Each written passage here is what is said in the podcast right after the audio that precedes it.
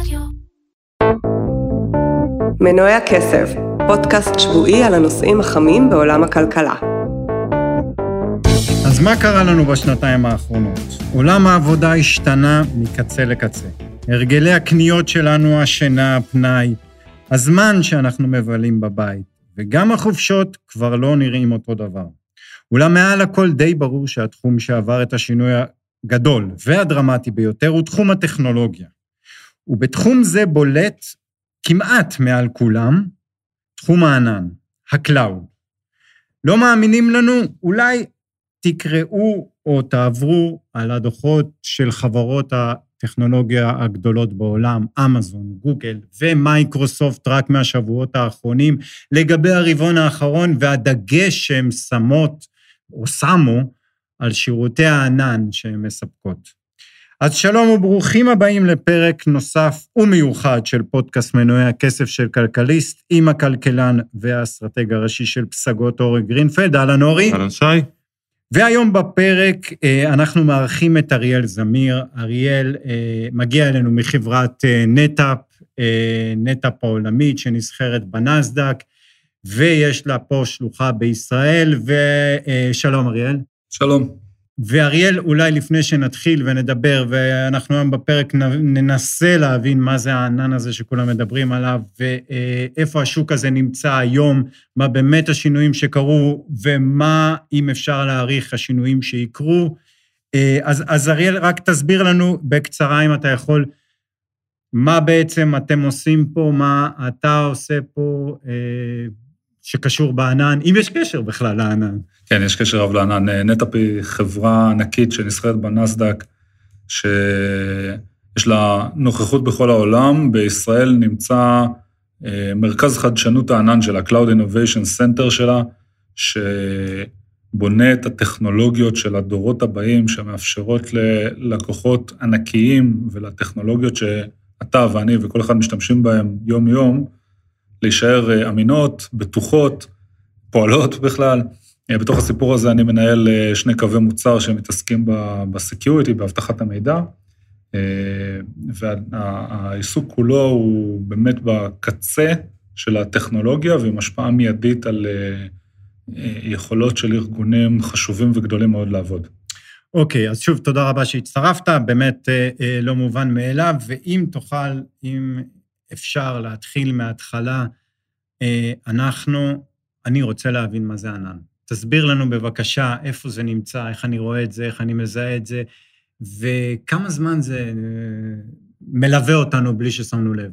אז באמת כשאומרים ענן, הרבה אנשים אה, חושבים על התמונות אולי שאתה מעלה לגוגל דרייב שלך או על הג'ימל שלך, ואומרים לעצמם איפשהו, זה, זה הכל נשמר בענן, אבל באמת השאלה היא, מה, מה זה באמת הענן הזה? והיום כשאנחנו מדברים על ענן, אנחנו מדברים על אה, רשת גדולה מאוד בכל העולם של אה, בניינים מלאים מחשבים, שעסוקים רק בלהיות מלאים במחשבים האלה, והמחשבים האלה עומדים שם להשכרה למי שייכנס לאיזשהו אתר אינטרנט וישכור את המחשב לשימושו, מבלי שהוא צריך באמת להיכנס ולהשתמש פיזית במחשב, אלא הוא ניגש אל המחשב הזה מרחוק. השימוש במחשב הזה מרחוק נקרא שימוש במשאבי הענן או בשירותי מחשוב של הענן, והחברות שמפעילות את, את אותן חוות שרתים גדולות הן ספקיות הענן. יש כיום שלוש ספקיות ענן דומיננטיות בעולם, אמזון, מייקרוסופט וגוגל. אמזון היו הראשונים, כאשר ב-2002, לשאלתך, הם לקחו איזושהי טכנולוגיה פנימית שלהם והחליטו שזה רעיון טוב להשכיר למתכנתים, אגב, מחשבים ל... כמו דירה להשכיר, מחשב להשכיר, בכל העולם, בצורה שנגישה וחוסכת למתכנתים, לצוותי הפיתוח, למנהלים שלהם, את הניהול של תשתיות המחשוב ואחסון הנתונים האלה. אז עכשיו מסתכלים, רוצה להבין רגע את השוני הגדול בין הענן לבין טכנולוגיות קודמות. מה שהם בעצם נותנים זה רק את שירותי ההשכרה, זאת אומרת, אם אני איזושהי חברה שיש לי database שאני רוצה לשמור, פעם הייתי שומר את זה במחשבים במשרד, זה כבר מזמן לא הסיפור, אני יכול להעביר את המחשב עצמו ששומר את הדאטה למקום אה, שיש בו מזג אוויר קר יותר, ואולי זול יותר אה, לקחת אה, שם שטחים ולשים שם את המחשב, אבל הוא עדיין המחשב שלי.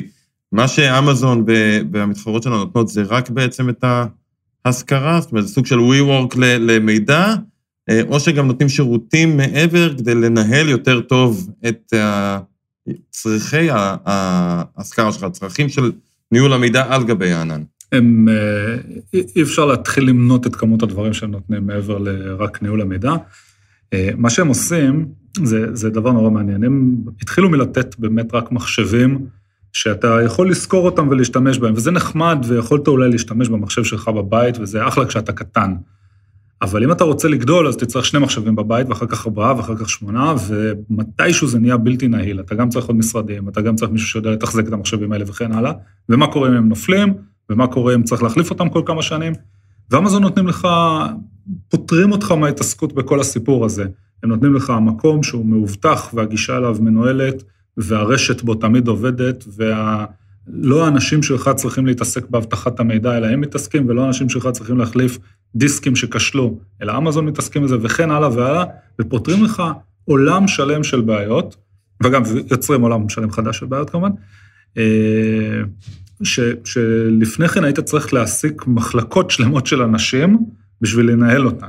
הדבר הזה, אני חושב, בתחילת שנות האלפיים הוא נתפס ככה חצי, חצי קוריוז בהתחלה, ו, ולא בהכרח אדופשן אה, מאוד משמעותי, אבל אם אני זוכר נכון, ב-2012 נטפליקס הודיעה שהיא עוברת ב-100% לשרתים של אמזון. עכשיו, תחשוב על הדבר הזה, חברה שמזרימה וידאו לכל העולם בקצבים מאוד גבוהים, באיכות מאוד גבוהה, זה, זה המון מידע, זה פשוט המון מידע.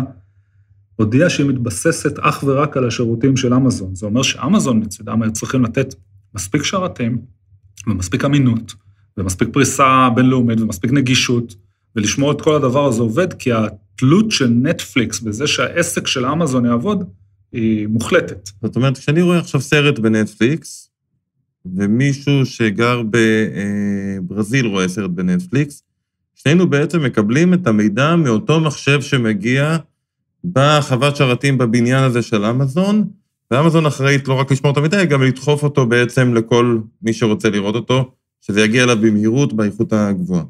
אז פעם זה היה מאוד דומה כמו שתיארת, וכיום יש אה, כבר שכבות על שכבות של שירותים שהתפתחו על גבי הדבר הזה, ש... שיצרו בתורן הזדמנויות לחברות מאוד גדולות להיווצר, ובין היתר יש חברות שעסוקות רק בלוודא שהרשת עובדת כמו שצריך, ואחר כך חברות שמשכפלות את הסרט הזה לברזיל ולישראל ולארצות הברית, ולאמזון יש שירותים שמתעסקים בתחום הזה שנקרא Content Delivery Network, רק לוודא ש... לא רק סרטים, כן, גם כשאתה קורא עיתון, גם כשאתה קורא את כלכליסט. שהמידע יהיה נגיש יותר כדי שהמידע... באזורים שונים. בדיוק, כדי שתוכל לגשת אליו יותר מהר, יותר מהר לגשת מברזיל לשרת בברזיל וכן הלאה, ו... ויש תחומים עצומים שעסוקים רק בהנגשה של המידע הזה ללקוחות, לא משנה איפה הם בעולם. בוא, תעשה, תעשה רגע, אנחנו התחלנו לדבר על אה, אה, 2002 זה היה, שאמרת כן. שהתחלנו. אוקיי, אז בוא תעשה לי fast forward ותתמצת לי את ה-20 שנה האחרונות. איפה אנחנו עומדים היום? מה בעצם, איפה השוק הזה הולך? אה, עזוב לאיפה השוק הזה הולך, איפה הוא נמצא היום. 20 שנה האחרונות היו משוגעות בתחום הזה, היו באמת שינויים קיצוניים מאוד שלקחו אה, כל מתודולוגיות פיתוח התוכנה מלפני 20 שנה, והעבירו אותם פעם אחת לתשתיות שהיום לא אתה שולט בהן, אלא מישהו אחר שולט בהן במקומך. מישהו אחר נותן לך את, ה, את ה service, ויש איזשהו service level agreement שהם צריכים לעמוד בו כדי שתוכל לעבוד, ו, וזה גרר שינוי בקצב וביכולת שלנו לייצר תוכנה. ומכיוון שכולנו מתבססים כל היום על תוכנה, אם זה כשאני מושך כסף מהבנק, אם זה כשאני שולח וואטסאפ, ואם זה כשאני הולך לקופת חולים, בכל מקום אני ניגש לאיזשהו שרת שמוצאים איזשהו מידע מאיפשהו, הדבר הזה שינה את החיים של כולנו. מה שקרה זה שב... אמרתי, ב-2002 אמזון אה, הוציאו אה, את השירות הזמין שלהם ל... לכל המתכנתים בעולם, וכל אחד יכול היה לשכור מחשב בכמה עשרות סנטים לשעה, ואם אני זוכר נכון, פחות מעשר שנים אחר כך גוגל הצטרפו אליהם באיזושהי ורסיה טיפה רזה, ובאזור 2015, הרבה שנים אחר כך, מייקרוסופט הצטרפו אליהם עם ענן משלהם, לענן של אמזון קוראים AWS, לענן של מייקרוסופט קוראים אג'ור, אה, ולגוגל יש כיום אה, תשתיות ענן משלהם שנקראות GCP, Google Cloud Platform. הדבר הזה עשה שינוי עצום באיך שכל חברה בעולם שרוצה לפתח תוכנה עובדת. יש מעט מאוד חברות סטארט-אפ שכיום מתחילות את עבודתן ולא מתחילות אותה בענן, ממש בודדות מאוד, ורוב מוחלט של החברות הגדולות בעולם, אפילו כאלה שנוסדו לפני 50 ו-100 שנים, יש להם תהליכים של העברה של השרתים שלהם והמידע שלהם ותהליכי עבודה שלהם לענן.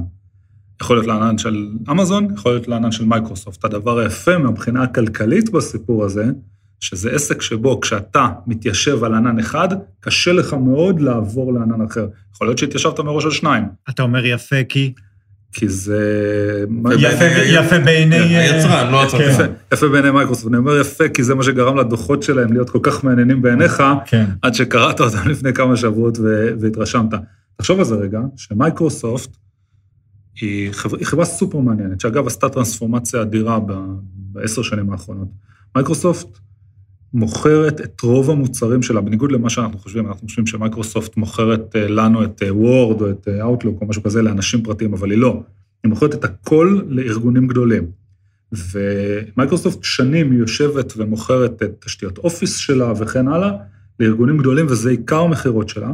ומה שהם עשו כשהם החליטו לבנות את פלטפורמת הענן שלה, שלהם, הם פשוט הוסיפו לשיחת המכירה, כשהם ניגשים מדי שנה ללקוח, אומרים לו, תשמע, בוא תקנה אולי עוד רישיונות לתוכנה שלנו וכן הלאה, אומרים לו, תראה, אנחנו גם יודעים שאתה צריך להחליף את המחשבים שלך באיזשהו שלב, אולי בוא, במקום להחליף כל שלוש שנים, בוא תעביר אותם לענן שלנו.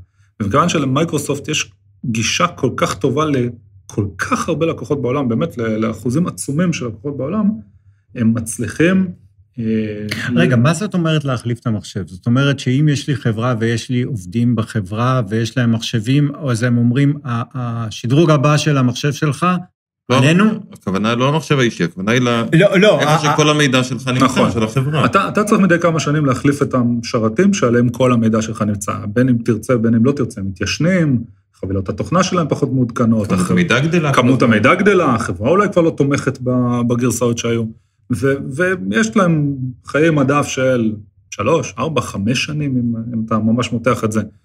אבל אם אתה רוצה להישאר כל הזמן עם הטכנולוגיה שעובדת הכי מהר והכי יציב והכי בטוח, ואתה לא רוצה לקחת סיכונים, ורוב החברות לא רוצות לקחת סיכונים, שיתקפו אותן, כי ראינו מה קורה כשתוקפים את המידע של חברות, אתה תרצה לשדרג את המחשבים שלך ואת מערכות ההפעלה שלך כל הזמן. ספקיות הענן נותנות לך מחשבים משודרגים כל הזמן, מערכות הפעלה משודרגות כל הזמן, ואת ה-security measures, את הסביבה המאובטחת, שמגינה עליך מפני ההתקפות האלה בצורה קרובה למושלמת. ואז בעצם מייקרוסופט, מעבר לזה שמציעה את האופיס שלה אונליין, עם האופיס 365, שאגב, גוגל יצאו עם זה קודם, וזה מהלך שלא הצליח להם, אז היא מציעה מה שאתה אומר, היא מוכרת בעצם שטחי ענן תוך כדי השיחת מכירה הזאת, וזה היתרון שלה. זה נכון מאוד, ואגב, גוגל יצאו עם זה קודם, וזה אחת הדוגמאות היפהפיות בעיניי, ללמה לא מספיק להיות מאוד טובים טכנולוגית. גוגל יצאו שנים קודם עם אה, Google Docs, אה, תשתית שעליה אתה יכול, שני אנשים או עשרה אנשים יכולים לערוך ביחד מסמכים, ו Google Spreadsheets, שמתחרה באקסל, שהם מאוד מאוד נוחים, הם באמת טכנולוגיה מצוינת. אבל לגוגל אין את היכולות העסקיות והגישה ללקוחות שיש למייקרוסופט, ובטח לא ללקוחות העסקיים. גוגל היא חברה שמבוססת ב-DNA שלה וב-go to market שלה, על גישה ללקוחות קצה, ל-consumers. וכשמייקרוסופט ניגשת ללקוח עסקי ואומרת לו, בוא אני אשדרג לך את חבילת ה-Office שאתה ממילא משתמש בה, ואתה די כבול אליה, זה מסובך מאוד לעזוב את אה, חבילת ה-Word וה-Excel וה-Outlook שלך, אני אתן לך את אותו דבר, אני אתן לך את זה בענן, וזה עושה בדיוק את מה שראית שגוגל עושה, והיום מייקרוסופט יודעים לעשות בדיוק את מה שגוגל עושים. רוב הלקוחות ישדרגו ויקבלו חבילה מצוינת, ועל הדרך הם יצרכו, בין אם ירצו, בין אם לא, לא ירצו, יצרכו שירותי ענן של מייקרוסופט, כי מייקרוסופט מוכרת ביחד עם חבילת ה-Office הזאת, עוד איזה חתיכה מענן, אפילו בלי להסביר שזאת חתיכה מענן, היא קוראת לזה OneDrive, כונן אחד.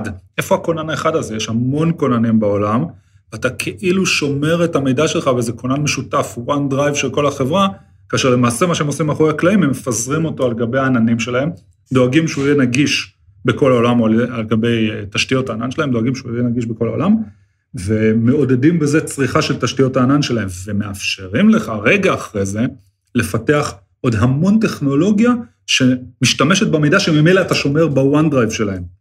זאת אומרת, הם בונים eco-system שלם, אגב, לא רק מייקרוסופט, כמובן גם גוגל, כמובן גם אמזון. בונים eco-system שלם שעובד מאוד טוב עם עצמו, עולם שלם של חוויית אה, שימוש במידע, שגורם לך להישאר מחובר אליהם כל הזמן. בעצם אמרת פה שני דברים עכשיו מאוד מעניינים. אחד, אמרת שקשה לעבור. ברגע שאתה במייקרוסופט, קשה לך לעבור לאמזון, שזה קצת אה, מנוגד אולי לחשיבה האינטואיטיבית, כי כביכול זה מידע, תביא את המידע, אתה יודע, תוריד אותו לדיסקט ותטעין את הדיסקט הזה במקום אחר. אז אה, אולי תסביר למה כל כך קשה, והתוצאה של זה למעשה היא שהתחרות בין, וזה שלושת חברות הטכנולוגיה הגדולות בעולם, תחרות ביניהם היא רק על נתחי שוק חדשים בעצם. כן, אז אני אתחיל מהנקודה הראשונה. זה קשה מאוד מאוד להעביר תשתיות גדולות ממקום למקום. זה, זה משחק מאוד נחמד להעביר שרת אחד, שיש עליו אולי database אחד, מענן לענן, ואפשר לעשות את זה, ואולי זה ייקח יומיים, אבל כשיש לך 5,000 שרתים, ואגב, באופן טיפוסי, יש לך 5,000 שרתים, אתה לא בדיוק יודע איפה הם. אי אפשר לדעת איפה נמצאים בדיוק 5,000 שרתים, אף אחד לא יודע. ו... זה מעניין אותי איפה הם נמצאים? לפעמים, לפעמים יש חברות שעושות לא מעט business, רק מלהגיד איפה הם נמצאים ומה לא בסדר איתם. זה, זה שוק לא קטן, ה-inventory management הזה. אוקיי. Okay. ולא, ולפעמים גם לא, יש חברות שגם לא יודעות איפה השרתים שלהם נמצאים, זה גם בסדר. ועכשיו, לקחת 5,000 שרתים ולהעביר אותם, ולספוג down time של חברה, ולא לדעת מה בדיוק ה-database, שאחר כך לא יעלה אותו דבר, כי אולי משהו היה שונה בתשתיות. down time, זאת אומרת שהחברה לא יכולה לפעול כרגע. החברה לא יכולה לעבוד, השרת שלה למטה.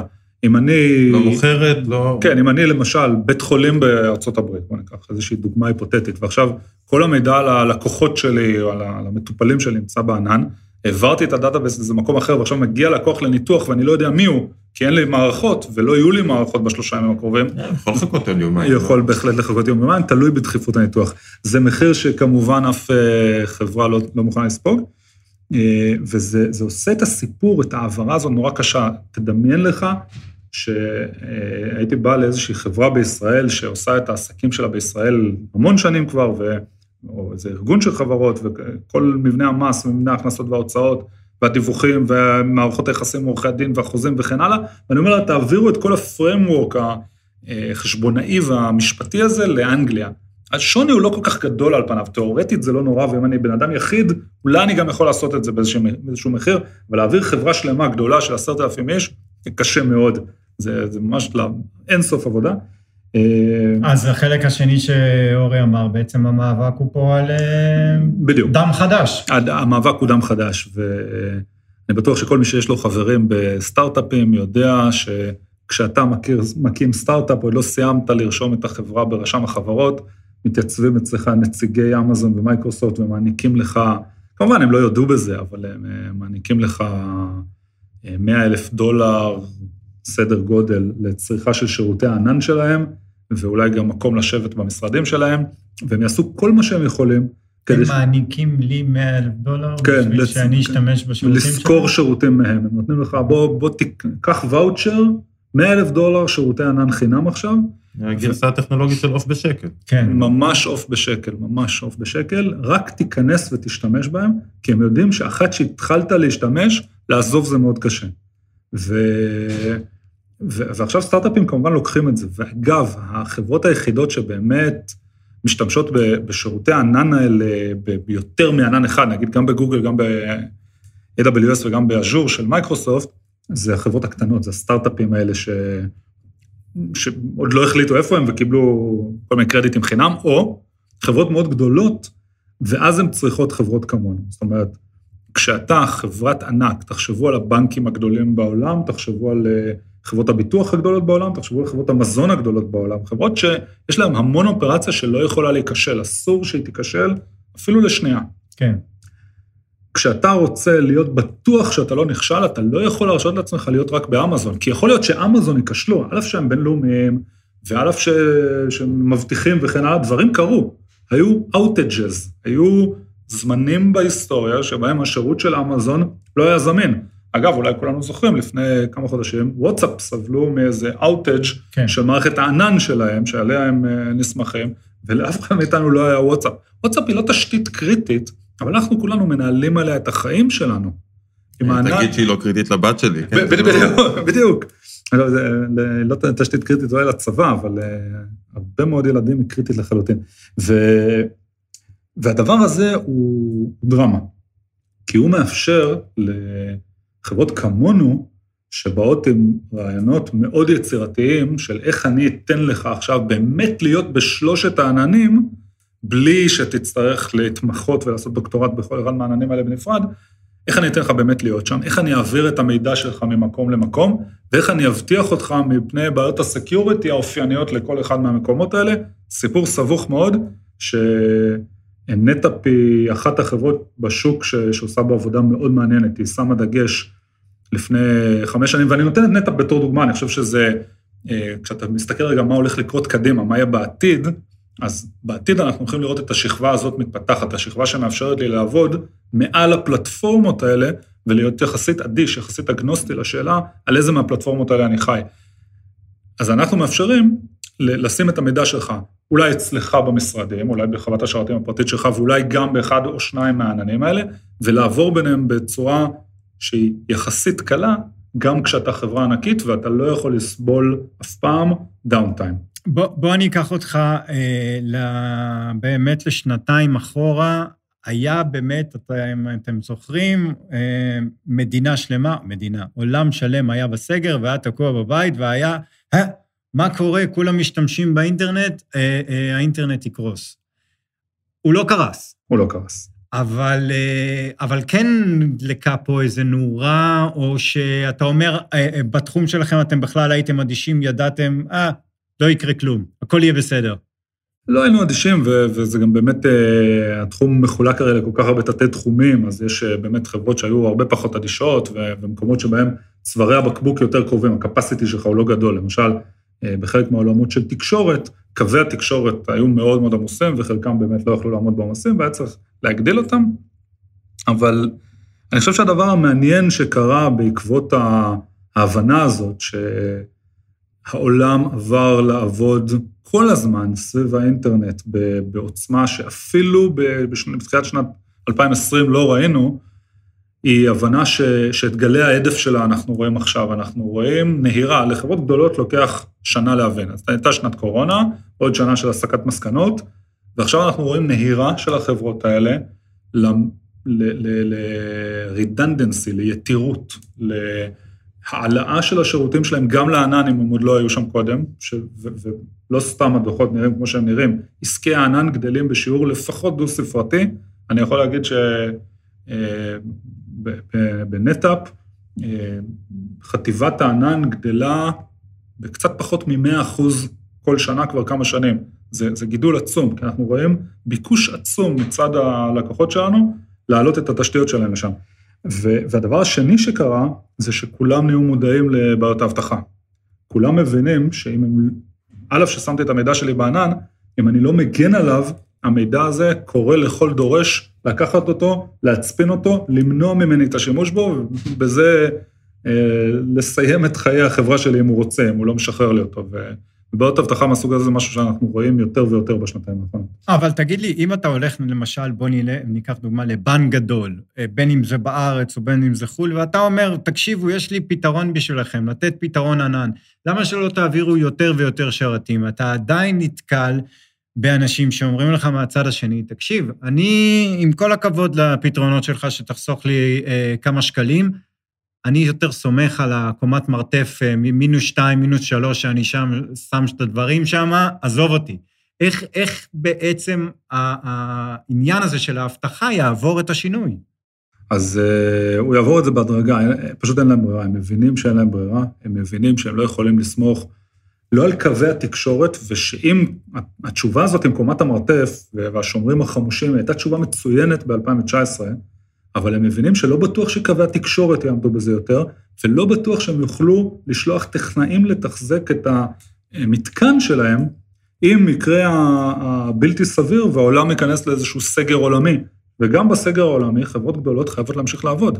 והם מבינים שאם הם מסתמכים על זה שמתקן אחד חייב להיות נגיש, יכול להיות שהם לא יכולים יותר להבטיח שה, שהדבר הזה קורה, והם צריכים להתחיל לפזר את המידע שלהם בכל העולם, ולהתבסס על זה שאחת משלוש הספקיות הגדולות תמשיך להיות נגישה כל הזמן. הם, לא תהיה להם ברירה. מעניין. ואם אנחנו מסתכלים על התקופה הזו של הקורונה, רק די, בואו בוא נסתכל רגע קדימה לעתיד. אה, אפשר לומר היום שחברות הענן גם כן למדו ממה שקרה בקורונה, בסוג של אה, שטחים גדולים יותר ממה שצריך למקרה שעוד פעם כולם יישארו בבית וישתמשו באינטרנט ולא נסתכל באיזושהי בעיה כזו, או שהם מן הסתם חברות שבאות להרוויח ועדיין מנסות לייעל את התהליך של כמה שפחות סתם לקנות מחשבים. אז הן לא מסגירות את התשובה לזה, אני מנחש, וזה באמת ניחוש שהן עדיין לא בשטחים הרבה יותר גדולים ממה שהן צריכות, כי אני חושב שהגידול בביקוש הוא כל כך גדול, וביחס עם בעיות של שרשרת אספקה של חומרה, קשה מאוד היום לקנות חומרות בהיקפים גדולים בעולם, אני חושב שביחד זה לא מאפשר להם להשיג את הביקוש, ואנחנו רואים בעיות של גדילה, במיוחד כשאתה מתעסק עם חומרה בכל העולם, ו- ואני כן מנחש שהם ינסו בעתיד להגיע למצב שאתה מדבר עליו, לקנות יותר חומרה ולהחזיק קצת עתודות, כי השנתיים האחרונות היו טלטלה כלכלית מבחינתם, אמנם עם תוצאות מאוד טובות, אבל עם כמה סיכונים מאוד משמעותיים. כן, התוצאות הטובות הן בעצם גם ההבנה שבעתיד הביקוש ילך... רק ילך, ילך ויעלה, כל הזמן. אוקיי, אה, בסדר, עד כאן החלק הזה. אה, אנחנו נעבור, יש לנו אה, חלק נוסף בפודקאסט של דבר המוטרף שקרה השבוע ואולי לא שמתם אליו לב. אז... אני אתחיל? כן. טוב, אז השבוע התפרסם ה-WordPress Freedom Index, איזשהו מדד שבוחן את החופש העיתונאי בעולם. פעם, פעם אחרונה שזה התפרסם, פעם קודמת זה היה 2013, אז עברו לא מעט שנים מאז, אה, וזה מדד שבעצם שואלים עיתונאים, אוסף של כמעט 100 שאלות, אה, ושואלים כמה הם חופשיים בעצם בכתיבת העיתונאות שלהם. זה לא שואל על רמת, על איכות העיתונאות, אלא רק על החופש. וקרו שני דברים מעניינים. קודם כל, רוצים לנחש ממקום ראשון, שני, שלישי. בחופש העיתונות? כן. ארה"ב? ארה"ב מקום 17. אה, נורבגיה, דנמרק, שוודיה, אה, במקומות הראשונים. עלו גם לא מעט מקומות מאז הפעם הקודמת, מאז 2013. שוודיה למשל עלתה ממקום עשירי למקום שלישי. אחרי זה אסטוניה, אחרי זה פינלנד, אלה חמש המובילות. אה, בתחתית, את הנמוכה ביותר, אני חושב, קל לנחש. צפון קוריאה... סין? לא, צפון קוריאה. אין חופש עיתונאי. אחרי זה אריתריאה, אחרי זה איראן, אחרי זה טורקמניסטן, וסין לא בחמישייה התחתונה, צריך להגיד. אולי העיתונאים שמפחדים להגיד שאין להם חופש. מי שסוגר את החמישייה הזאת, מנמר אגב, שירדה 24 מקומות מאז 2013, בעקבות הפיכה שהייתה שם, מסתבר, לפני שנה, פחות או יותר. מה שבאמת מעניין, זה שאותן מדינות, אמרת הברית, אותן מדינות שהן, אפשר להגיד, הדוגמה לדמוקרטיה, הברית, בריטניה וכן הלאה, אה, לא מסיימות במקומות הראשונים, ובעצם הם בחנו, ב-2013 25 מדינות השיגו ציון של 85 ומעלה, האינדקס הוא עד 100, אוקיי? זה ציון שהוא עד 100. אז 25 מדינות קיבלו מעל 85, ב-2022 רק 8 מדינות מקבלות מעל 85, אה, וזה אומר אה, או משהו על העיתונות עצמה, מה שקורה בעולם, אה, עם ה-woke והפוליטיקלי קורקט וכל מה שקורה מבחינת היכולת של עיתונאי להרגיש שהוא חופשי לכתוב מה שהוא רוצה לכתוב, או מצד שני זה אומר משהו לעיתונאים, ולאיך הם מרגישים, זה, אתה יודע, זה בסוף סקר שעושים בקרב עיתונאים, אז זה לא אובייקטיבי. אני חושב שזה בהחלט מעניין. אה, קרה פה שינוי, קרה פה שינוי מהותי בעשר שנים האחרונות. בהחלט. אה, אני גם בעסקי הדירוג. יצא השבוע את הדירוג של אה, נמלי התעופה העמוסים ביותר בעולם, ומה שמעניין פה, מעבר לרשימה של עשרת הראשונים, אגב, במקום הראשון אטלנטה, היא חזרה לשם, מאוד מאוד עמוס שם. גואנג'ו, שהייתה במקום הראשון, ירדה למקום שמיני. אה, מובן, אני חושב, למה עם כל הסגרים וכל ה-zero covid אה, אה, שיש שם. והשינוי, אה, טוב, אין מה להשוות כמובן ל-2020, לשינוי בטראפיק, אה, בשדות התעופה, אבל מה שמעניין זה השינוי לעומת 2019. ועדיין יש שינוי של עשרות אחוזים, אה, אטלנטה מינוס 32 אחוזים, מינוס 36 אחוזים, יש בשיקגו, ב-LA מינוס 50 אחוזים. עדיין אה, אה, שינוי נורא נורא דרמטי לעומת 2019. אה, דרך אגב, שמו, שמונה מתוך העשר ערים במקום, בדירוג הזה בארצות הברית, רק גואנג'ו ושנג'ו, אני מקווה, מקווה שאני אומר את זה נכון, בסין, זה הדירוג. מה שמפתיע אותי זה שגואנג'ו ירדה כל כך הרבה למרות שכולם, אה, אולי זה בגלל שערן זהבי כבר לא משחק שם, וכל הישראלים לא נוהרים לראות אותו. כן. יכול להיות שזה מסביר את כל ה... זאת הירידה של השני מיליון. ללא ספק. אה, תודה רבה שהצטרפת. אה, תודה. אריאל, אה, נהנינו מאוד ולמדנו והשכלנו, ואני מקווה שהיינו ברורים, ותודה רבה, נשתמע בשבוע הבא.